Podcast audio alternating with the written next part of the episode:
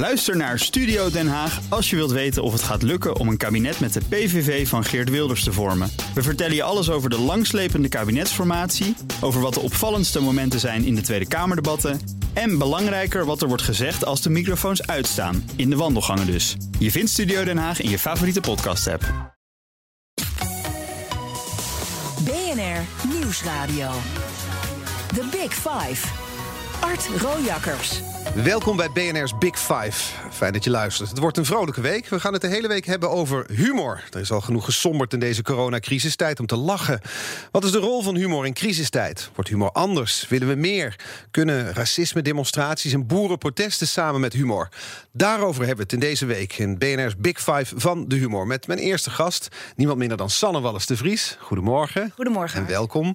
Jij gaat donderdag voor het eerst uh, uh, weer de plank op met je voorstelling Heel. Ja. Hoe voel je je bij dat vooruitzicht? Nou, ik heb er ontzettend veel zin in, vooral. Dat is wel eens uh, anders geweest. Meestal ben ik vooral zenuwachtig en geconcentreerd. En denk ik, oh, als dat maar goed gaat en dat moet nog. En nu moet er ook nog best wel veel. Maar ik heb er ook heel veel zin in. Ik heb her en der een beetje getry-out. Gisteren nog, 20 minuten op een netwerkborrel in Amsterdam-Oost. Mm -hmm. En toen ging het zodanig dat ik dacht... oh, nou wil ik echt dat hele uur doen. Ja. ja. En dat zin in hebben, komt het ook omdat je dus stil hebt gezeten? Ik denk het wel, ja. En ook omdat ik uh, de situatie heel erg naar mijn hand heb gezet. Dus ik ga echt een... Um, het heet heel, want ik wil proberen te healen met de mensen. Met een enorme knipoog natuurlijk. Mm -hmm. En door dingen samen te doen. We mogen niet zingen, maar wel neurieën bijvoorbeeld. Dus ik heb een meeneurielied wat gisteren ontaarde in enorme lachsalvo's van mensen. Niet eens omdat ik zo waanzinnig geestig ben, maar meer omdat neurie een spanning blijkbaar meegeeft.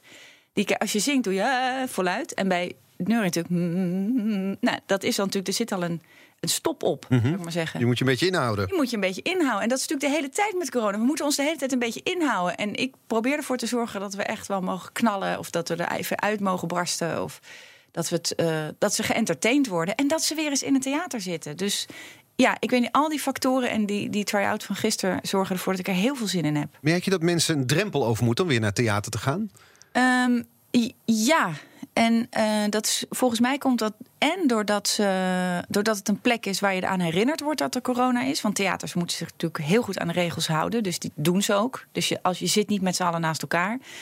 Uh, en er staan pijlen op de grond. En je moet je handen desinfecteren. En je moet op een andere manier erin dan eruit.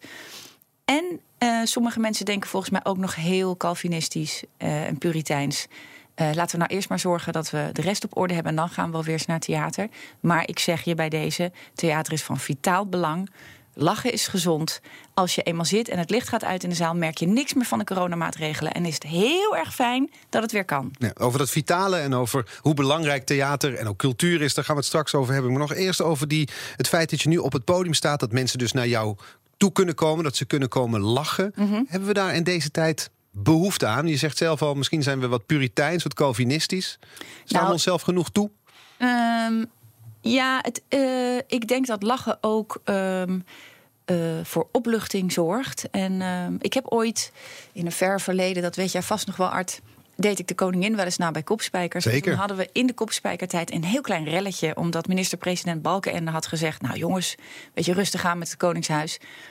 Uh, ik weet niet wat uh, voormalig koningin Beatrix daarvan vond. Ik heb altijd gedacht dat zij dat minder erg vond dan de minister-president. Mm -hmm. Maar toen verschenen er naar aanleiding daarvan allerlei artikelen over wat is satire eigenlijk, of wat zou het moeten doen. En een van de dingen die satire zou moeten doen, of waar het voor bedoeld is, is uh, dat het het ventiel van de samenleving is. Dus als de druk op de samenleving groot wordt, als groepen polariseren, als ze tegenover elkaar komen te staan, als mensen elkaar onbeleefd behandelen, dan is het fijn dat iemand even zo even wat opluchting brengt. En ik uh, denk dat het nu heel erg nodig is dat die opluchting er af en toe is. Dat even dat ventiel eraf kan. Dat er even wordt gezegd: oké, misschien denken we niet allemaal hetzelfde. Maar ondertussen zijn we wel allemaal mensen. En zouden we, als we hier samen om moeten lachen, nou dan is dat, scheelt dat alweer een beetje, weet je wel. Wat is nou van levensbelang en wat is nou, nou zo'n beetje. Ja, maar die ontlading hebben we nodig. Hebben Juist we nu misschien wel. nodig. Juist nu, dat denk ik zeker. Eigenlijk meer dan wanneer het allemaal lekker loopt. En uh, ik wil de mensen niet de zaal uitjagen als alles weer normaal is. Maar het is wel volgens mij nu juist heel erg nodig. Ja, en dus is het heel dubbel dat je dus eigenlijk hebben we het nodig. En aan de andere kant, nou ja, zijn we nog wat huiverachtig misschien Ja. om naar theater toe te gaan. Wat ook begrijpelijk is. Alleen uh, hoop ik wel dat als de boel van start gaat in Amsterdam, uh, gaat de kleine komedie weer open. Het echt tot grote blijdschap van mezelf ook. En die hebben het best moeilijk. Theaters hebben ook. Het zit ook heel snel vol, want je mag maar met 110 bijvoorbeeld hier in een kleine komedie. Er kunnen normaal 500 in. Ik speel bijvoorbeeld twee keer op een avond om de theaters en mezelf rendabel te houden, zou ik maar zeggen. Dus het zit snel vol. Uh, er is ja, uh, er is niet veel plek. En, en je zegt al, het, het doet ons misschien herinneren aan corona, theater met al die, die maatregelen. Zitten mensen, maak, je, maak jij grap over corona in je nieuwe voorstelling? Gaat het veel erover? Dat neurien dus bijvoorbeeld? Neurien, ja, nou ja, omdat het een, een, eigenlijk een corona-healing interim voorstelling is, zou je verwachten. Corona-healing interim? Ja, zo heb ik het maar even genoemd, want het is een tussenvoorstelling. Uh, uh, ga, ik ga niet heel vaak over corona praten, maar ik ga wel memoreren dat ik bijvoorbeeld heel lang naar uh, in de tijd dat ik niet kon optreden in de lockdown, heb ik heel lang naar gember gestaard, het fenomeen gember. Je hebt naar gember gestaard? Ja, omdat ik ging echt koken, maar dan echt vanaf de basis af. Dus niet potje met gember, maar echt een, een zo'n nou ja, zo'n zo'n dode reuma-hand, zou ik maar zeggen. Zo'n enge, knokige. Ja. Nou, en dan vertel ik over mijn bevindingen met gember en dat ik heb gevochten met gember in de keuken en dat ik ook daar de hele dag de tijd voor had. Ja en vlogjes heb gekeken over gember. En hoe ik totaal verloren ben geraakt in de wereld van gember. En, denk, en dat blijkt de wereld van gember te, zijn, gember te zijn. Nou, daar kun je heel veel grappen over maken. En ik maak me er ontzettend kwaad over. En dan hoop ik dat het ook weer leuk is. Ja, en dus dan, dan heeft het wel te maken met corona, maar het gaat niet over corona. Nee, dus ik hoop dat mensen inderdaad een uur lang gewoon totaal vergeten zijn wat ons is overkomen. Mhm. Terwijl ik het er dus wel over heb. En dat ze helemaal entertained zijn en denken, nou, nou kunnen we er even tegenaan. Zo is mijn voorstelling bedoeld. Ja, en dat biedt dus, als het goed is, troost misschien ook? Dat zou helemaal mooi zijn. Ja. Want, hoe is humor troost? Hoe belangrijk is dat in dit soort tijden? Nou, ik denk als je ervan uitgaat dat humor verbindt, goede humor en samen lachen, want dat is volgens mij wel echt zo. Als je met mensen kan lachen, dan voel je verbinding. Dat dit is volgens mij ook chemisch zo in de hersenen, maar ik voel het ook altijd echt zo. Als ik tegelijk met iemand in de lach schiet om iets, dan voel je je verbonden. En dat is heel belangrijk voor mensen, dat ze zich verbonden voelen en niet alleen. En dat lag natuurlijk heel erg op de loer de afgelopen maanden. En ik denk dat verbinding altijd ook een vorm van troost is, eerlijk gezegd. Ja. tuurlijk. En dat moet dus allemaal gaan gebeuren bij die healing, interim healing. En daar heb ik maar een uur voor. En dat is zeker als ik, als ik te lang doorrent over gember, dan, uh, ja, dan is dat zo voorbij. Ja, terwijl het heel aanlokkelijk is om heel lang door te gaan ik over gember. uren, dagen over gember kunnen ja, daar kan ik me van alles bij voorstellen. En het is maar een uur omdat je er twee op een avond Precies, ik doe meestal om half acht en half tien. Soms wijkt het een beetje af. Dus tussendoor moet ik, uh, word ik opgelapt. En dan, uh, of dat doe ik zelf eigenlijk, want ik kan ook weinig personeel betalen. Maar uh, dan ga ik weer. Ja. Wat is het een beetje rendabel om zo op te treden dan in wel. deze tijden? Dan, nou ja, goed. Ik heb natuurlijk, ik had een voorstelling, Kom heette die. Die was net in première gegaan. En toen zijn we ge op weg naar Kampen. Toen hoorden we de persconferentie. Op 12 maart 2020. En, um, zaten in de auto op weg naar Theater Kampen. De tweede voorstelling na de première. We waren al in Naaldwijk geweest. En de, de bezoekersaantallen liepen al terug. Veel oudere mensen, wat die toch echt wel theaterpubliek zijn. Um, bedoel ik trouwens helemaal niet denigerend ouderen, maar dat zijn gewoon de oude, ben ik inmiddels ook bijna zelf. Uh, die gaan meestal naar theater en die kwamen al bijna niet meer vanwege corona. Dus het was wel een beetje dat ik met lichtelijk lood in de schoenen ging van nou, het, is, het loopt niet heel erg storm. Mm -hmm. En toen uh, moesten we stoppen. Toen werd de stekker eruit getrokken. Ja.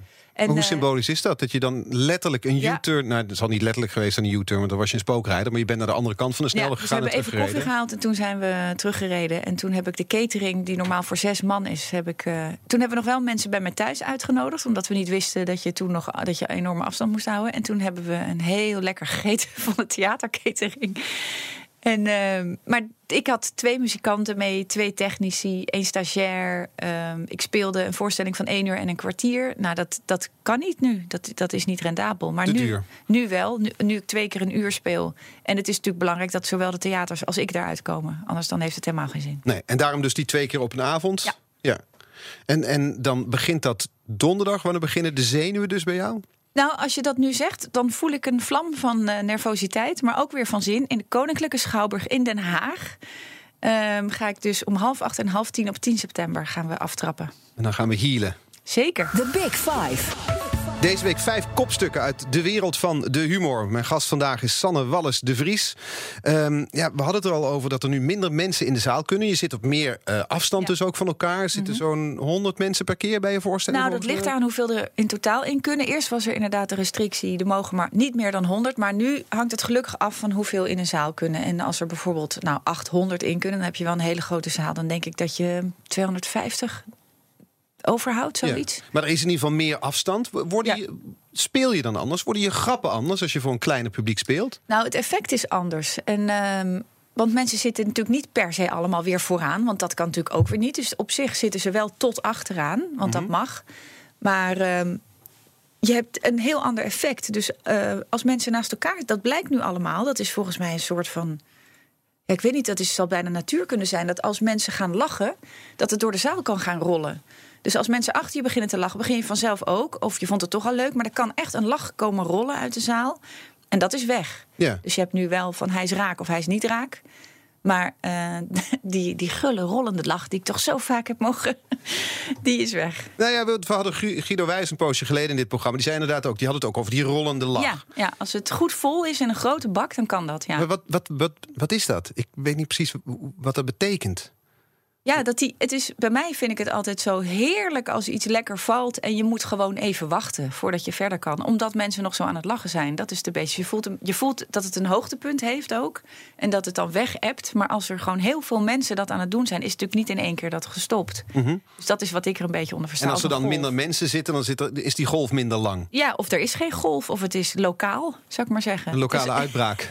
ja, dus het is echt. Maar ik moet dat nog ondervinden, want ik heb wel getry-out, maar op hele kleine plekken. En nu ga ik dus donderdag dan meemaken hoe dat is Ja, in Den nou, Haag. nou heb jij natuurlijk heel veel ervaring. Dus ik kan me voorstellen dat het niet per se een soort onzekerheid opwekt. Maar als je dus een cabaretier bent die nog meer beginnend is, kan ik Ja. me voorstellen. Je staat voor een zaal, er gebeurt minder. Veel ja, enger. maar het is toch wel pittig. Want ik ben nu dus gewend. En nou, ik heb helemaal niet altijd volle zalen gehad trouwens. Maar ik ben wel gewend aan dat je een groep hebt die je kan aanspreken. Die gewoon. Dat wordt ook op een gegeven moment één groep als het goed is. Dan heb je ze na een minuut of tien. Heb je ze een beetje zo dat ze weten wat je komt doen. En waar de, wat voor soort mens je bent. En dan kun je aan de gang met zo'n groep. Maar dit wordt zo anders. Ik weet niet of dit ooit een één groep gaat worden. Of dat het losse groepjes blijven. Dat moet ik maar zien. ja. Dus En ik daar vind gaat het de wel- verbinding dan waar we het over hadden. nou, of niet. Dat hoop ik niet. Nou Ja, zoals ik gisteren heb gespeeld, dat was dan 20 minuten voor zo'n, wat was het, 40 man. En dat, eh, dat ging leuk. Dat was echt leuk. Maar ja, wel ja, anders. En dat is best wel lastig. Maar ja, goed, nu beginnen in deze tijd als cabaretier lijkt mij helemaal moeilijk. Ja. Je maakt je sowieso druk om de positie van cultuur. En, en met name in deze coronatijd. We hadden het er in het begin kort over. Mhm. Er was een programma, Cultuur in Actie. Eh, Daar zat jij als Angela Merkel. Ja. kwam je op voor eh, nou ja, jouw, jouw beroepsgroep, zal ik maar zeggen. Mhm. Eh, je sprak er ook de minister van Cultuur, Ingrid van Engelshoven, toe. Ze zat daar in, in de zaal. Ja. Eh, laten we even luisteren. Het zorgt ervoor dat mensen zich dingen kunnen blijven verbeelden. Dus dat de dingen niet zijn zoals ze zijn of zoals je ze leest. Dat je niet alleen maar gelooft dat het waar is, dat het wij tegen zij is. Maar dat je ook kan denken, wat voor kleur je ook bent, wie je ook bent, waar je ook bent, waar je ook vandaan komt. We hebben allemaal de verbeelding nog. En kunst en cultuur spreekt de verbeelding aan. Het spreekt de humor aan. En die twee zaken verbinden mensen. En dat zorgt ervoor dat je niet alleen bij wijze van spreken... dat een land een lichaam is met verschillende dingen... maar dat er bloed doorheen gaat.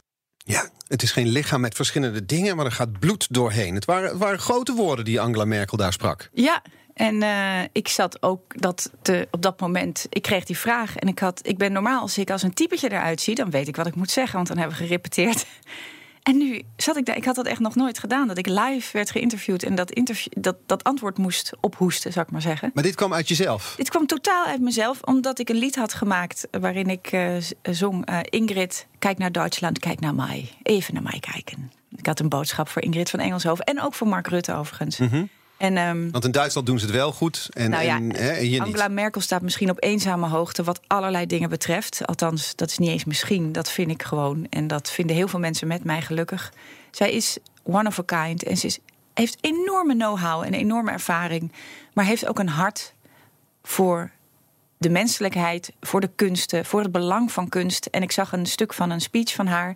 Die heeft volgens mij 45 minuten geduurd. En daar zag ik vijf minuten, doet ze uit het hoofd gericht aan kunstenaars. We laten jullie niet vallen. We snappen dat jullie van belang zijn. Iedereen heeft het moeilijk, jullie ook. Geen ene sector gaat boven de andere, maar nou, fantastisch. En gewoon heel erg waar. Dat je denkt, ja, waarom. En toen zag ik Ingrid van Engelshoven af en toe. En ik wil haar absoluut niet, want ik praat hier wel vaker over. Het is niet absoluut niet mijn bedoeling om te zeggen wat zij wel en niet goed doet. Maar het viel me op dat zij dit niet uitstraalde. En ook niet zij. En ook niet de dingen die ze wel zei, vond ik vaak moeilijk en een beetje warrig. En ik dacht, waar zit het hart van jullie voor? Waar zit ook het verstand voor? Waar zit de feitenkennis? Het is een hele sector, er gaat geld in om. Er zijn ontzettend veel mensen in werkzaam. Die zitten allemaal thuis. Dat was toen nog. En ik begreep dat gewoon niet. En toen dacht ik, nou, wat ik kan zeggen zonder heel negatief te worden is... kijk even naar Angela, kijk even naar Duitsland, kijk even, even luisteren. Dat en is het dan mijn- makkelijker om dat als Angela Merkel te doen dan als Sanne Wallis de Vries? Ja, en ik wil ook altijd dat als ik iets doe in zo'n actie, dat het speels is en entertaining. Ik, ik kan wel een bord maken en dingen zeggen en zo moet het. Ik geloof dat als ik het zeg, dat dat heel weinig zoden aan de dijk zet. Ik kan het beter gieten in iets waar ik goed in ben. En ik wil ook echt dat het speels is, omdat ik wil dat mensen echt blijven luisteren. Het lijkt me heel vervelend als je minister bent en je hoort van alle kanten: u doet het niet goed en u moet het anders doen. Kijk, dat bedoel ik natuurlijk wel. Maar ik hoop dat ik het zo breng dat ze snapt van. En nou ja, ik ben inmiddels ook op de leeftijd dat ik denk: ik heb echt goede tips voor de mensen. Mark Rutte is jonger dan ik. Ik heb laatst gezien. ik Luister ben, naar mij, jongeman, denk luister je naar dan. mij, jongeman. Ik ben ouder dan Almere. Ja. Ja. Dus nou, er mag wel eens naar mij geluisterd worden. En eh, nou ja, zo bedoelde ik het. Maar goed, die vraag en wat er toen allemaal uitkwam. Ik, als ik het nu terugluister, denk ik ja, dat klopt allemaal wel. Maar ze hadden me ook wel even mogen onderbreken. Ja. daarover. Maar het, zijn, het zijn ook wel het is gezwollen taal die je daar bezigt. Het zijn grote woorden. Ja. Ja. Dat, dat valt me sowieso wel vaker op bij cultuurdemonstraties. Dat er, het wordt vaak nou ja, neergezet als een strijd van leven op dood. Zonder Oh cultuur, ja? ja. de Mars der Beschaving hebben we ooit gehad. En nu ook. Hè. Het is het bloed, het is vitaal. Zonder, Ja. zonder cultuur is het lijf alleen maar een losse verzameling onderdelen. Ja, maar weet je hoe dat ook komt? Omdat er wordt gesproken van de andere kant. Als ze zeggen we gaan daarin korten en daarin korten. Dan wordt er dus gesuggereerd dat het niet van belang is. Of niet van vitaal belang. Of niet nodig voor een samenleving. Dus wat zet je er dan tegenover? Dat je laat zien dat het wel van vitaal belang is. Ja, Ik ben daar ook van overtuigd. Ja, of misschien is iedereen er wel van overtuigd van het belang van cultuur. Want volgens mij is er geen beschaving geweest uit de menselijke geschiedenis waar geen cultuur was. Mhm. Alleen het gaat hier om de afhankelijkheid van overheid. Van de financiële steun van de overheid. Ja, dus het, en- niet het goed. bestaansrecht van cultuur wordt in twijfel getrokken. Maar of Nee, er- maar je moet toch aan die overheid duidelijk maken eh, dat, er, dat het niet kan bestaan zonder dat er bepaalde steun is. Althans, in Nederland is dat zo geregeld. Dus eh, als er heel makkelijk, net, nou ja, de boeren komen ook, eh, die komen het Malieveld op denderen. Ik bedoel, iedereen, de leraren en de zorg, en die hebben ook allemaal waarschijnlijk wel een punt. Je kan, je kan bediscussiëren of de manier waarop heel zinvol is. Maar ik snap heel goed dat die. Ik vind het geen gezwollen taal. Ik vind het eigenlijk. Ja, het is eigenlijk ontzettend vervelend dat we dat keer op keer moeten zeggen. Het is. Misschien is het wel contraproductief als je het elke keer op deze manier zegt. Want misschien zeggen boeren wel, wij zijn van vitaal belang. Zeggen onderwijzers dat, zegt zorgpersoneel dat. Ja, maar wie, wie zorgt er nou voor dat die verdeeldheid er is? Kijk, ik vind helemaal niet dat wij tegenover de boeren staan. Ik vind ook niet dat we tegenover. Ik gun iedereen een eh, fijn bestaan en een, en een bepaalde zekerheid. Ja, en we moeten nou eenmaal met z'n allen inleveren. Het zal ergens vandaan moeten komen. Dus ja, Ja, iedereen gunt de- elkaar van De alles. cultuur roept toch ook helemaal niet. eh, wij mogen al het geld of we moeten dit of dat. Eh, We weten heel goed, of we. Ik, ik, als, ik vraag me ook af bij wie ik dan hoor. Maar ik, wat ik alleen maar probeer te zeggen. Jij hoort bij de cultuur. Oké, ik hoor bij de cultuur en kunst. Nou, kun je ook weer over discussiëren wat het dan precies betekent of wat het is. Maar we moeten wel oppassen, dat doe jij nu ook weer een beetje, Art Rooijakkers. eh, dat je bijna gaat zeggen van nou, nou, die taal en de andere sectoren zijn ook belangrijk. Maar niemand die werkzaam is in kunst en cultuur vindt dat ze belangrijker zijn dan bijvoorbeeld de zorg of de eh, school. Of, dat vindt helemaal niemand. Het is alleen wel zo dat als het je eigen sector betreft en als je ziet dat er nogal onverschillig mee wordt omgegaan, wat nu zo is, dat je daar natuurlijk voor. Dat je daar eh, nou niet zozeer tegenop, maar dat je ervoor opkomt. Dat is het meer. En dat is eh, wat mij heel erg trof. Dat ik dacht, ik zie heel veel onverschilligheid en onwetendheid. En ik weet bijna zeker dat als er bijvoorbeeld een commissie zou komen. Er is nu meer geld vrijgemaakt. Dat is ontzettend fijn. Maar hoe gaat Dankzij dat verdeeld Angela Merkel misschien wel. Misschien wel. Misschien wel dankzij mijn Moet liedje. die Merkel? Misschien wel. Ja. Maar dat, nu is natuurlijk de vraag, hoe moet dat verdeeld worden? En ik zou zeggen, doe wat kopst. Misschien gebeurt dat al, hè? dat weet ik niet, want ik weet natuurlijk niet alles. En ik word niet gevraagd. Maar je maakt bent ouder dan Almere, dus je weet best veel. Maar ik zou eh, een commissie samenstellen van mensen die we- de gang van zaken weten in verschillende sectoren. Weet je wel, musical is weer anders dan cabaret. En je hebt kleine theaters, grote daar ben ik wel benieuwd naar. Dat zei je net in een, in, heel even tussendoor een zinnetje. Ja, hoor ik er dan bij, bij die cultuur? Is, is cabaret een belangrijk onderdeel van de cultuursector? Eh, tuurlijk. En het is ook eh, in Nederland zelfs een hele unieke tak. Dus wat wij in Nederland hebben aan cabaret, dat is eigenlijk nergens ter wereld zo. Ik sprak laatst de Patrick van de Hanenberg, die is eh recensent geweest vooral. En die maakt een boek nu over kleine theaters in Nederland. Die zijn ook uniek. Wat wij in Nederland hebben aan cabaret, die hele, al die cabaretiers, al die kleinkunstenaars, die op al die plekken spelen in Nederland, die hele infrastructuur is, dat heb je nergens anders. Als er ergens theater is in een land, dan komen heel vaak mensen naar die theaters toe. Maar die kleine, kleine dorpjes met kleine theatertjes, grote steden met kleine theatertjes in de wijken, dat is heel uniek. En dat, dat vind ik alleen al een reden om gewoon te zeggen: let daarop, jongens. En is dat, dat die ook- niet onderuit gaan, want het is uniek. Ja, en is dat dan ook waarom, de- je zegt dat is uniek wat we in Nederland hebben. Wat levert dat zeg maar op aan cabaret-talent? Is dat dan meer hier in Nederland dan in andere landen, omdat Ja. we dat hebben? Ja, omdat dat plekken zijn waar je dingen kan uitproberen, waar je kan beginnen, waar je kan opstarten. Ehm, het is gewoon ontzettend fijn om op een plek waar, waar, waar je al een gemeenschap hebt. Want dat is vaak ook zo. Als je in een dorp komt waar mensen op vrijdagavond naar een uit gaan kijken, kent meestal kent men elkaar. En dat zijn fijne plekken om je grappen uit te proberen. Dus je, je, doordat je heel veel plekken hebt waar je kan optreden in Nederland, creëer je ook eh, kwaliteit. Omdat mensen op heel veel plekken kunnen try-outen. En dan naar de grote zalen kunnen gaan. En dan naar Carré en dan naar de Ziggo Dome. Wat ook wel gebeurt met Jan Dino en Najib. En zelfs de Kuip. Ja, dat is fantastisch. Dus, ehm, nou ja, of het is fantastisch. Die gasten willen dat. En dan is het ook fantastisch. moet er niet aan denken, Ik moet je? er niet aan denken. Maar het is gewoon te gek dat je allerlei soorten cabaret in Nederland hebt. Dus die jongens die daar gaan staan. eh, ik die heel graag in Carré zou willen. Mhm. Ja? En, eh, hoe, dichtbij ben je gekomen voor de coronatijd? ik heb één keer met mezelf avondvullend solo in Carré gestaan. En verder heb ik er met musicals gestaan. Dus ook wat waard, hè? En, eh, als je nou over een rollende lach hebt, dan is het daar lijkt me. oh ja, dat was zo. En ook, ook nog eens om je heen bijna zo. Dat ging helemaal rond. Waar ben je op je best? In zo'n zaal of in zo'n kleine zaal? Ik wil even nog mijn betoogje afmaken. Ja, maar het duurt wel lang, dus je moet een beetje Ja, opschieten. oh, nou ja, in ieder geval, je, je, die mensen worden alleen maar zo goed. En mensen gaan veel geld betalen voor mensen die in grote zalen staan. En krijgen dan de kwaliteit die ze verdienen. Doordat die mensen op andere plekken hebben, hebben kunnen groeien. Ja, het is eigenlijk het is een beetje een, de, de, de, de geboortegrond van talent, kun je zeggen. Precies. En als die de, de klos worden van dit, daarom kom ik daarvoor op. Of ik kom er niet eens zozeer voor op. Ik zeg, let erop dat die niet verloren gaan. Kijk daarnaar. Kijk naar die kleine theatertjes. Zorg dat die niet verloren gaan. Waar ben jij beter? In die kleine theaters of in zo'n zo'n grote bak als Carré? Nou, dat, dat hangt heel erg af van eh, de fase waar mijn voorstelling in zit. Dus ik, ik vind het ontzettend fijn dat er kleine plekken zijn. Zoals bijvoorbeeld Walhalla in Rotterdam, noem ik ook altijd. Maar dat is echt een heel fijn theater. Is ook heel fijn voor de buurt daar. Eh, moest ook bijna dicht trouwens. Gaan nu weer voorzichtig open. Ehm, op die plekken is het ontzettend fijn. Try, het is try-outen. Ja, dus mensen weten dan ook wat ze komen zien. Het publiek is ook ervaren inmiddels in het is een try-out. Dus dat zorgt dat het nog niet heel erg van niveau is, maar dat er wel van alles kan gebeuren. Dus dat is ook leuk. En als de voorstelling dan af is, ja, dan glorieer ik in zalen als carré. En uiteindelijk misschien wel de Kuip. Nou ja, wie weet. Ja, zeg nooit nooit. Nee, want er kunnen nu toch maar 100 mensen in. Nee, er mogen wel iets meer in, denk ik. Ja? Ja. Maar ze mogen niet juichen. Oh nee. Dat vind ik zo raar. Ben jij, jij bent toch voetbalfan? Ja, niet? nee, maar ik ben niet naar het stadion geweest. Dat vond ik zo raar. eh. Toen dacht ik, ja, Rutte gaat echt toch ook... Hoe kan je nou niet juichen? Ja, ik, dat is ook een beetje wonderlijk voor. Het is hetzelfde als neurien bij een cabaretvoorstelling. Zou Nou, een beetje anders hoor. Toch wel anders. Ja. Oké. Je moet geen mensen wegjagen nu. Hm, Nee, het is heel leuk. Neurien. Ja. Het is eh, de nieuwe hobby. Neurien is spannend. Ja, neurien en aan gember denken. Mijn gast vandaag, BNR's Big Five van humor, is Sanne Wallis de Vries. Eh, zij was een van de vaste gezichten in het legendarische Kopspijkers... waarin de actualiteit haarfijn werd gefileerd. Hoe zouden gevoelige discussies lopen als er nog steeds zo'n programma zou bestaan? Daarover praten we in de tweede half uur. BNR Nieuwsradio. The Big Five. Art Rojakkers. Welkom bij het tweede half uur van BNR's Big Five. Deze week vijf kopstukken uit de wereld van de humor. We hebben het over humor in crisistijd.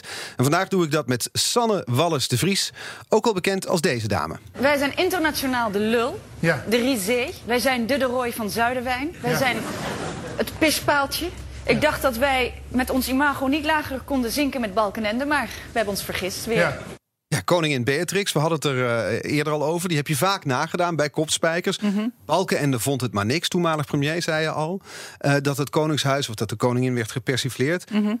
Waarom is het toch van belang? Wat is de functie van dit soort satire? Je had het al over een ventiel. Ja, dat, eh, nou ja, dat heb ik toen gelezen. Dat vond ik heel. In, daar was ik eigenlijk helemaal niet zo mee bezig. We waren meer bezig met goede televisie maken. En, maar ik denk dat het. Zeker mensen die hoog op de troon zitten. En bij hun was dat natuurlijk letterlijk zo dat als je daar grapjes over mag maken, dat het voor relativering zorgt, dat het de mensen menselijk maakt. Als je in ieder geval kwalitatief hoogstaande satire brengt. Je kijkt eh, hele harde grappen of dingen die we oh, oh, dat vind ik denk ik altijd, nou, ik weet niet, is het grappig of is het vooral grof of is het beledigend? Maar ik geloof dat bij kopspijkers was het niveau echt hoog. Dat, daar werd natuurlijk de hele week aan geschreven. En, en de persiflages waren enorm in orde. En de make-up was goed. En er, ik zat 2,5 uur in de schmink voor Beatrix. De kleding was altijd helemaal op orde en vaak nog aangepast naar wat ze die week aan had gehad. Er werden hoeden gemaakt, weet je wel. Dus het was allemaal heel erg met zorg en met liefde gemaakt. En dat is de En, eh, aankleding, maar de satire zelf. Wanneer was die goed?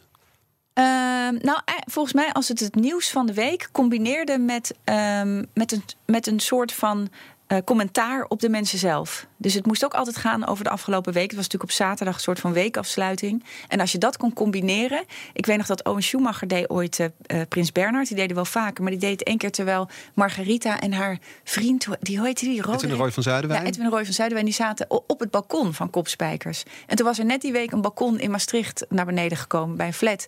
En toen zei op een gegeven moment zei Prins Bernhard... dat balkon is gebouwd door een architect uit Maastricht. Nou ja, dat soort combi's waren heel fijn, weet Ja. je wel.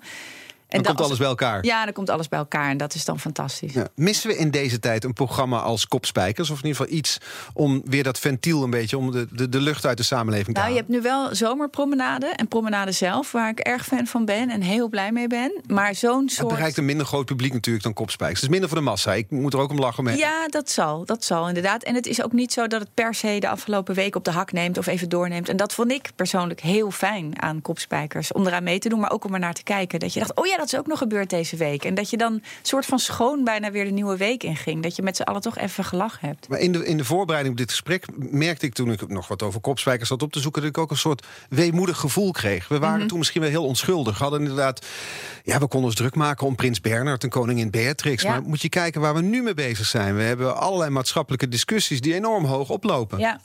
Nou ja, ik vind dat ook wel echt een beetje de armoe en het failliet van deze tijd hoor. Dat ik denk, moet je kijken wat er van ons geworden is. Als je op.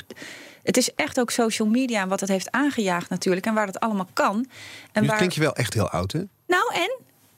Oud. Wat is oud? Oud is relatief. Ouder dan Almere. Ehm, ja, dat is zo. Ja, Ja, dat heb ik zelf gezegd. Dat komt nu als een boemerang steeds ik ga het terug. steeds herhalen. Maar kijk, luister Arthur, mag ik even, hoe oud ben jij? Ik ben 46. Nou, dan ben je ook niet meer piep. Nee, maar ik zit niet te klagen op? social media.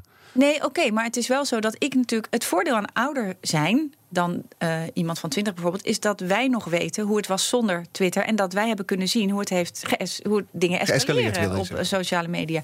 En wat mij betreft, ik vind het eigenlijk heel erg raar dat dat maar blijft bestaan en blijft bestaan. Mensen worden steeds verhitter en steeds sneller verhit. Dat laten we allemaal maar toe. En ik denk dat de grenzen daardoor worden opgerekt. En dat je dat ook in het dagelijks leven ziet. Dat mensen steeds horkeriger en, en botter en eigenlijk dan veel meer dan ze zelf. eh, eh, dan goed voor ze is. Je bent helemaal niet zo kwaad als je denkt. Als je even dus elkaar aankijkt, als je ziet wie iemand is. Dat hebben sommige mensen ook als ludieke actie gedaan. Die heel erg zijn uitgescholden op Twitter. Maar jij Zijn- zit op Twitter. Mhm. Dat betekent dat je er ook de hele tijd op zit te kijken waarschijnlijk dan. Eh, Ja, maar ik heb wel een beetje door schade en schande nu mijn eigen Twitter-modus gevonden. Dat ik bijna nooit meer eh, Twitter wat ik vind of voel bij iets. Omdat ik ook denk, ja, wat maakt. Dat doet er namelijk echt eigenlijk helemaal niet toe. Wat ik zelf echt eh, denk over dingen. Maar als ik leuke tips heb, geef ik die. Als ik wil zeggen, mensen kom naar theater, doe ik dat. Als ik iets van belang vind, dan wel. Maar ik, en ik ga nooit meer met iemand in discussie. Nooit meer, want dat gaat Op Twitter bedoel je of überhaupt in het leven? Op Twitter. Mhm. Nee, ik vind discussiëren hartstikke leuk. Maar Ja. dan wel graag in real life. Ja. Ja. Maar nog naar die gevoeligheid in de samenleving. Want jij zegt, nou, social media spelen een rol. Er zijn natuurlijk allerlei discussies waar we nu mee bezig zijn. We hadden het over de boerenprotesten, Black Lives Matter. op. Kun je daar eigenlijk in deze tijd een grappen over maken... zoals jullie ooit bij Kopspijkers deden? Ja, natuurlijk. Ja, je kan overal grappen over maken als ze maar goed zijn. En ik heb ze nu niet 1, 2, 3 paraat. Dus ik ga nu ook niet zoeken naar geforceerd kijken of ik over Black Lives Matter. Maar je kan zeker wel. Je kan de beelden erbij. Als je televisie maakt, kan je de beelden erbij halen. Je kan mensen nadoen. Je kan vergelijkingen maken. Maar is het zo? Het lijkt, maar misschien is dat dan weer mijn beeld. Het lijkt alsof we sneller op onze tenen getrapt zijn dan pak een beetje tien jaar geleden. Ja, dat zou wel kunnen. Gevoeliger Ja. zijn geworden. Ja, maar volgens mij is dat ook een vergissing. Dus het komt ook doordat mensen er verkeerd in staan. Doordat ze ook vaak denken, dit gaat over mij. Dat is volgens mij heel vaak wat er fout gaat op social me- media. Social media. Je ziet een bericht, Je leest het en omdat het op jouw telefoon staat, volgens mij werkt het bijna zo, denk je, dit is aan mij gericht. En dan reageer je erop alsof het inderdaad, terwijl mensen kunnen gewoon random iets vertellen en het heeft misschien helemaal niks met jou te maken. En als iemand anders, ik kan bijvoorbeeld wel eens uh, lichte jaloezie voelen als iemand die uh, net begonnen is in het cabaret bijvoorbeeld heel succesvol is. Mhm. Dan krijg ik een beetje een vreemde jongen, dan denk ik een beetje van, en, en ik, en ik, jongens, weten jullie wel dat ik ook speel? Terwijl op zich heeft een, als iemand zegt, oh wat fijn, ik ben vanavond uitverkocht. Niets met jou niets te met mij maken. te maken. Denk, hoezo ben jij, hoe ben ik niet? Nou, zo werken andere dingen ook. Dat als, ehm, weet ik veel, misschien als zwarte mensen ergens in gloriëren, dat een witte mens denkt: hé, hey, wacht even, wat is dat? Daar had ik ook wel kunnen, weet je wel. Maar zonder dat iemand misschien enige ambitie in die richting heeft. En dat is volgens mij wat er al in, in eerste instantie scheef gaat. En daarna blijft de rest maar scheef gaan. Maar dat is blijkbaar heel erg moeilijk. En dat Maar jij voelt je vrij om overal grappen over te maken op een podium. Dat is Ja. niets waarvan je denkt, hier blijf ik even van weg. Vergeleken met vroeger. Nou, niet echt qua onderwerp, maar wel misschien qua soort grap. En zeker niet in vergelijking met vroeger. Nee, ik, ik vind dat ik alles moet bespreekbaar zijn, juist. Dat is het dus waarvan ik denk, als we, daar, als we niet meer kunnen lachen met elkaar, dan zijn we echt verloren. En ik vind juist dat als je iets eh, bij de kop pakt, zou ik maar zeggen, en daar grappen over maakt, dan, dan betekent het dat je, ja, dat je ermee om kan gaan. Of dat het iets is wat juist niet eh, wordt eh, geïsoleerd van de rest. En die, die, die grappen maken over zoiets, is dat dan... Wat is, na- naast dat het gewoon fijn is om te lachen... heeft het nog een andere functie? Is de spanning weglachen? Of kan het ook invloed hebben op het onderwerp zelf? Nou, ik denk niet dat ik ooit invloed zal hebben op wat voor onderwerp dan ook. Behalve dan natuurlijk de kleine theaters en mevrouw van Engelshoven en Mark Rutte zelf. Mhm. Nou, dat zijn die ook niet de Eh, minste dan. Ja. Nee. Ehm, Je moet ergens beginnen. Daarom. En ehm, nee, ik denk, ik, ik hou heel erg van cabaret echt in het theater. Ik, volgende week zondag wordt mijn, eh, of aanstaande zondag 13 september, wordt mijn show Gut uitgezonden op televisie. En daar heb ik zelf heel erg aan meegeknipt en geëdit, omdat ik de hele tijd in mijn achterhoofd hield: het is voor televisie dit. Dus een totaal andere manier van kijken dan in een theaterzaal. Dus je moet zorgen dat het wel een beetje blijft, niet te lange stukken erin. Ehm, dus ik heb ook wat darlings moeten killen. Maar ik denk dat we nu een tv-waardig programma hebben gesneden. Maar ik hou zelf heel erg van eh, eh, het moment in een theaterzaal dat je. eh, in het hier en nu. Dus dat je in het hier en nu een grap maakt en dat het daar ook blijft. Ja, het is de functie van de nar. Meer Ja. dan beïnvloeding van het debat. Maar wel in het theater. En wat het ook moeilijk maakt in deze tijd, is dat eh, mensen dus eh, dingen knippen. En dat je korte fragmenten ziet uit een show, dat die op YouTube komen, dat je die er nooit meer afkrijgt. Dat dingen uit een verband worden gerukt. En dat het dan opeens wel grof lijkt. Terwijl soms hebben grappen een aanloop van 10 minuten. Of refereer je aan iets wat je eerder hebt gezegd. Of komt er nog iets achteraan wat er dan niet op staat. En dat is allemaal heel moeilijk en heel moeilijk te controleren. Maar ik hou heel erg van het samen zijn in een theater. BNR Nieuwsradio. The Big Five. Art Rojakkers. Je het fenomeen kettingvraag, Sanne? Ehm, enigszins. Ja, dat hebben we hier in de Big Five. Mhm. Vorige week hadden we de Big Five van de crisisraadgevers. En afgelopen vrijdag was hier Leonard Geluk, directeur van de Vereniging Nederlandse Gemeenten. Hij had deze vraag voor jou. Wanneer krijgen we nou weer eens een eh eh, oudejaarsconferentie eh, van Sanne? Eh, ik kijk daarnaar uit. En vooral ook omdat deze COVID-tijd eh, vraagt om reflectie, om even afstand, om richting. En ik ben erg benieuwd eh, welke richting zij eh, vanuit haar rol als zeggen, eh, spiegelvoorhouder voor de Nederlandse samenleving, welke richting zij Nederland zou willen wijzen. Wauw. Nou, ik mag ik hem zo doorsluizen naar de VARA, deze vraag? Ja, over die ja. ja, dat is bij deze gebeurd. Ik zou het dolgraag doen. Ik heb echt dus een uur paraat. Eh, Gewoon een oudejaarsconferentie, nou, nu al. ik- mijn, mijn heel voorstelling die ik ga doen, dat, eh, dat is en dus eh, bespreekt het corona.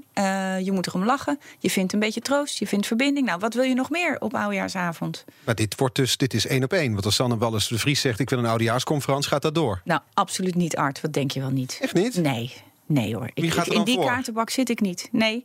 Ik ben ooit een soort hulppietje geweest van Erik van Muiswinkel... om er even weer een controversieel eh, ding erbij te Ja, halen. Roetveeg Piet was het toen al? Twee keer. Twee keer. Wat ik trouwens ontzettend leuk vond om te doen. En, en als ik even mag, heel geslaagd vond dat een groep mensen de oudejaarsconferentie deed in 2010 en 2012, als ik me goed herinner. Ik vind het ook heel leuk als mensen individueel het doen. En zeker als ik het zou doen. Maar het is toch anders. Nu eh, gaat Joep van het Hekken doen. Ik heb daar niets over te zeggen. De VARA wikt en beschikt. Maar als ze, als ze je vragen, dan duurt het een halve seconde voordat je ja zegt. Eh, dan zeg ik altijd, heb ik geleerd van mijn impresario... ik moet er even een nachtje over slapen. Dat moet ik zeggen, anders heeft hij financieel geen poten om op te staan. Oh ja, dat is de onderhandelingsmethode. maar mijn hart juicht dan. Ja, ja, van binnen. Ja. Ja. Je hebt het nu wel gezegd op BNR. Dat is Ja. dan weer jammer, maar goed. Eh, in, in welke richting zou je Nederland willen wijgen? Eigenlijk tegelijk, alles doet ertoe. Maar ehm, realiseer je wel eh, je plek ten opzichte van anderen. Ik snap Maar- hier helemaal niets van. Nou, dat ga ik concreet maken. Ik weet nog eh, dat, en dat weet jij vast ook nog, dat er allerlei eindexamenfeesten niet doorgingen, bijvoorbeeld in mei Mhm. dit jaar. Andere dingen gingen intreden, introductieweken van universiteiten. Mensen baalden daarvan en lieten dat ongenoegen, zoals dat tegenwoordig gaat, blijken op social media. Daar krijg je je, allerlei. Zoals ook een brief van een man die had en de oorlog meegemaakt en had gevochten in Indië. En zei: hou even vol in vergelijking met wat ik heb Ja, die meegemaakt. bekende brief, hè? Ja. Een lieve brief, ongetwijfeld een hele lieve man. Die bedoelt het ongetwijfeld goed. Alleen ik denk dan. Ik snap dat je ook baalt dat je eindexamenfeest. Ik snap, dat is weer dat van: gaat dit over mij of gaat dit over. Zijn dingen in absolute zin of ten opzichte van elkaar eh, erg of niet erg? Volgens mij kun je ellende niet meten, niet naast elkaar leggen. Soms zijn dingen even erg. Dat mag. Ik snap heel goed, tuurlijk is het erg als je eindexamenfeest niet. Tuurlijk, dat is verschrikkelijk. Dat mag je even verschrikkelijk vinden. En een maand later valt het wel weer mee. Zo werkt het ook. Ja. Maar er zit dus een soort verhitheid ook daarin dat mensen daar dan weer dingen van vinden. En daarvan zou ik willen zeggen, voordat je heel erg verhit gaat reageren, vaak hebben mensen nog niet eens ontbeten en zijn ze alweer losgegaan. Kijk even naar je plek op deze aarde. Kijk, realiseer je heel even dat er mensen zijn die het misschien wat minder hebben dan jij. Leg je telefoon weg. Kijk even naar met wie je in een huis woont, hoe goed je het hebt, tel je zegeningen. Maar je mag je absoluut druk maken om dingen. Maar pick your battles. Heel. Dit is hele wat je zit te doen. Oh ja, zit ik je te helen? Zit ik jou ook te Ja, helen? wel nu? een beetje om eerlijk te zijn. Oh, leuk. Ja, want ik, ik ga dat ook doen. Ik ga mijn telefoon wegleggen. Moet je als eh, cabaretier, comedian, moet je eigenlijk links zijn? Ehm, je kan je ook weer afvragen of het oude links en rechts nog wel bestaat. Nu rechts best echt flink naar rechts opschuift en links steeds vaker het midden opzoekt. Ehm, ik denk wel dat het zo is dat omdat rechts toch vaak ook fan is van veel geld verdienen en ehm, zich ietsje minder bekommeren om eh, dingen die ik dus die, die met sociale dingen te maken hebben, zoals zorg en onderwijs en dingen die aan de onderkant van het leven zeg maar zorgen dat de boel überhaupt loopt, voordat er überhaupt echt geld verdiend kan worden. Denk ik dat dat iets vaker dat het wat logischer is dat dat mikpunt van spot is, laat ik het zo zeggen. Dus dat de, de sociale invalshoek, eh, het geld en de macht eh, makkelijker een pootje kan lichten met humor dan andersom. En zo werkt humor, dat doet de nar. Dus Ja, die het- het becommentarieert de macht. de macht. Ja, die houdt de macht een spiegel voor. En daar zit rechts heeft nou eenmaal vaker de macht. En ook al zegt eh, meneer Baudet. links heeft alles in handen en de linkse elite. Maar dat, dat vind ik toch een hele rare, moeilijke omkering van zaken de hele tijd. Dan denk ik, wat als wij de, als links de elite is, wie, eh, wat ben jij dan? Weet je wel, daar zou ik best wel eens met hem over willen, zou ik hem best wel eens willen vragen. Van wie, wie wat bedoel je dan eigenlijk? Wordt weinig aan hem gevraagd. Ja, nou ja, dat, is- dat, dat zou jij dus kunnen doen. Ja, nou ja, ik zou het niet kunnen doen, want ik ben geen interviewer. Maar ik zou dat zeker in een oudejaarsconferentie ook eh, naar voren willen brengen. Van, wat zijn er toch eigenlijk weinig mensen die aan hem vragen, maar hoeveel dan? En wanneer dan? En kom eens met cijfers en kom eens met feiten. Als ik hem weer eens hoor renten over de, wat had hij nou? De massale immigratiestromen. Denk ik, nou, ik zou het wel leuk vinden als een Jinek of een iemand eh, aan een talkshowtafel. Hij zat toen geloof ik bij Pauw niemand die aan hem vroeg: hoeveel zijn het er dan? Hoeveel, hoeveel, om hoeveel mensen gaat het? Maar misschien is je wat jij doet dan eh, wel veel eh, effectiever. Jij, jij playback, of tenminste, jij playback. Jij hebt eh Thierry Baudet geplaybacked. Mhm. Ik ga er ook mee door, zeker. Op sociale Wordt media, dan, ja. dat, dat dan weer wel op Twitter. Mhm. Een Amerikaanse collega van jou doet dat met Trump. Jij Sarah Cooper. Ja, jij kan dat dan in Nederland met, met Baudet. Mhm. En eigenlijk doordat je jouw hoofd ziet met zijn teksten... ga ik nog beter naar zijn teksten luisteren. En wat denk je dan vervolgens? Ja, hij had het dus over. eh, ik heb er één gezien, dan heeft hij het over zeewind en corona. Dat daardoor Ja. corona minder. Dat we het geluk hebben in Nederland dat er Ja, zeewind is. Dan en gaat daardoor- het virus weg, Ja. zegt hij. Ja, nou, dat was wel een geruststellend. Zeker met jouw hoofd erbij. ja. Ja. Nou ja, ik weet goed. niet of het klopt, maar doordat jij erbij keek, dacht Ik ik, wel. hoop Nou, dat je dan maar. inderdaad denkt dat zou een mooi effect zijn. Wat zegt hij nou? Ja, nou, dat, dat idee had ik er wel ja, bij. en da- dat is dus weer eens dat ik denk, nou, op speelse wijze kan ik dat doen.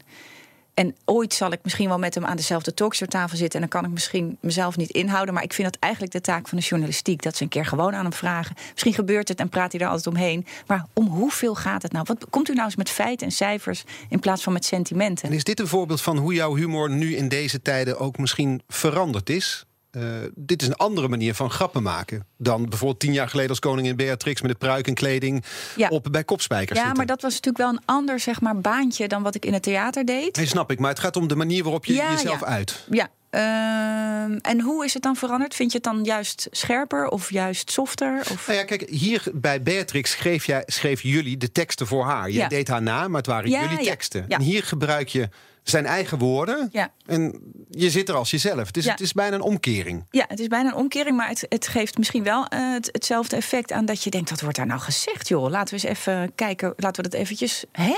Dat je tot je door laat dringen wat er eigenlijk gebeurt. En ehm, het is wel, ik, ik mis het dus wel, laat ik het zo zeggen. Als kopspijkers nu nog zou bestaan, dan zou ik me helemaal gek verheugen op de imitatie. Want dat is dus ook gebeurd één keer dat Thomas van Luin eh, echt bijna perfect Thierry Baudet nadeed. En ehm, Paul Groot, eh, hoe heet die, Hiddema. Nou ja, die zou ik elke week wel willen zien in dat duo. Dat zou toch heerlijk zijn? En dat is dan helemaal niet dat je heel fel zegt... jullie moeten weg of zo, maar ehm, wel zegt... wat wordt er nou eigenlijk gezegd? En dat is zo goed aan goede satire. Wat gebeurt er nou eigenlijk? Mhm. Ja. En, dat willen we je- dit? Dat missen we nu in deze tijd. Ik mis dat erg, ja. Ja. De grappen zijn eh, van die satire op tv ook verschoven naar de, de online wereld. Jij zelf maakt dus op Twitter, de, Ja. hè, doe, je, doe je Baudet na. Is daar meer concurrentie? Nou, ehm, niet zozeer concurrentie, denk ik, maar de snelheid is veranderd. Dus ik weet nog dat de jongens van Koef Noen, toen die begonnen, dus eh, Owen en Paul. Eh, dat die soms, ze gingen dan op dinsdag vergaderen van wat, wat gaan we doen. En dat werd dan zaterdag uitgezonden. En dan hadden ze een goede grap. En daar gingen ze dan helemaal uitwerken en uitschrijven, scène, kostuum regelen, schmink. En dan op donderdag maakte iemand die grip, grap op Twitter.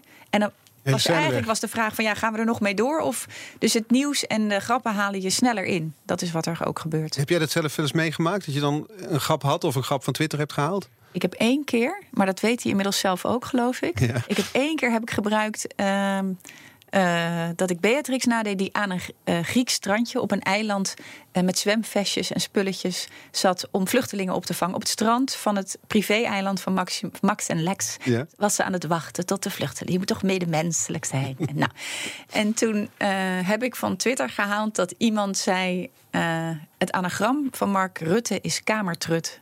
Dus als je al zijn letters door elkaar gooit. En het was toen op dat moment gewoon heel welkom dat, dat ze dat zei. Van wat, wat zit er nou eigenlijk? Wie heeft dat nou eigenlijk voor het zeggen? Ze zat, zichzelf, ze zat in zichzelf te praten. Of ze bleek uiteindelijk te bellen met een oortje in. Wat ze ook een heel raar woord vond, een oortje. Een oortje. Maar ze, het bleek dat ze zat te bellen. En toen zei ze ook, wat zit er nou eigenlijk? Die, dat zat over commentaar op Mark Rutte. Kamertrut, weet je, heb ik toen gebruikt.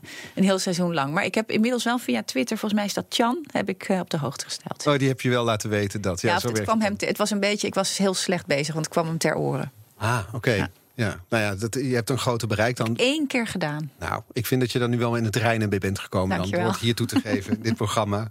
Eh, die kettingvraag mag jij ook weer gaan stellen aan eh, de gast van morgen. Dat is Wilco Terwijn. Je kent hem waarschijnlijk wel, toch? Mhm. Ja, ik Persoonlijk? wel eens meegeschreven voor de roast van Ali B. Ja, en hij Ja. schrijft ook, eh, heeft ook meegeschreven aan het Correspondence Dinner van Mark Rutte Ah. Mhm. destijds. Wat zou je hem willen vragen? Ik zou hem willen vragen, zijn er grappen die te ver gaan? Of heb je zelf wel eens een grap geschreven?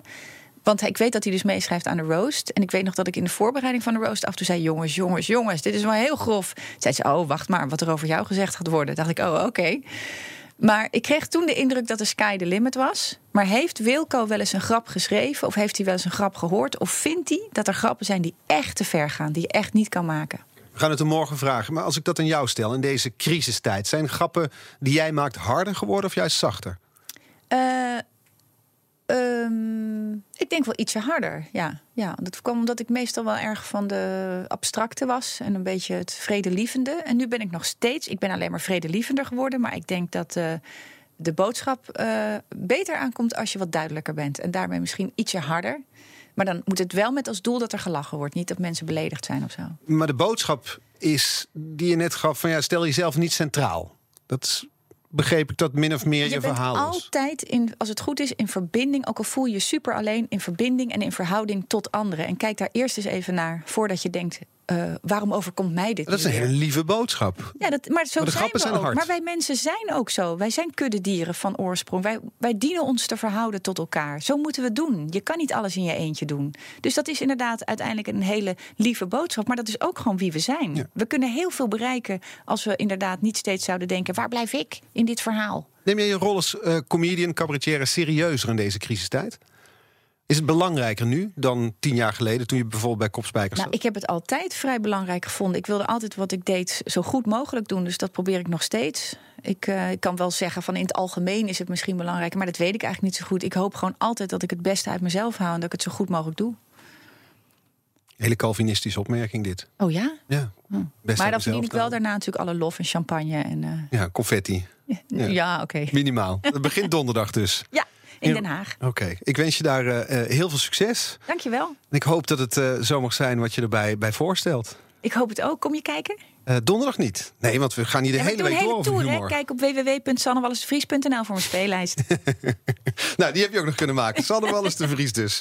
Dankjewel. Uh, alle afleveringen van BNR's Big Five zijn terug te luisteren natuurlijk. Uh, de podcast is te vinden in de BNR-app en op bnr.nl. Tot morgen bij BNR's Big Five. Ook Thomas van Zeil vind je in de BNR-app. Je kunt live naar mij luisteren in Zaken doen. De BNR-app met breaking news, het laatste zakelijke nieuws... en je vindt er alle BNR-podcasts, bijvoorbeeld Het Nieuwe Geld. Download nu de gratis BNR-app en blijf scherp.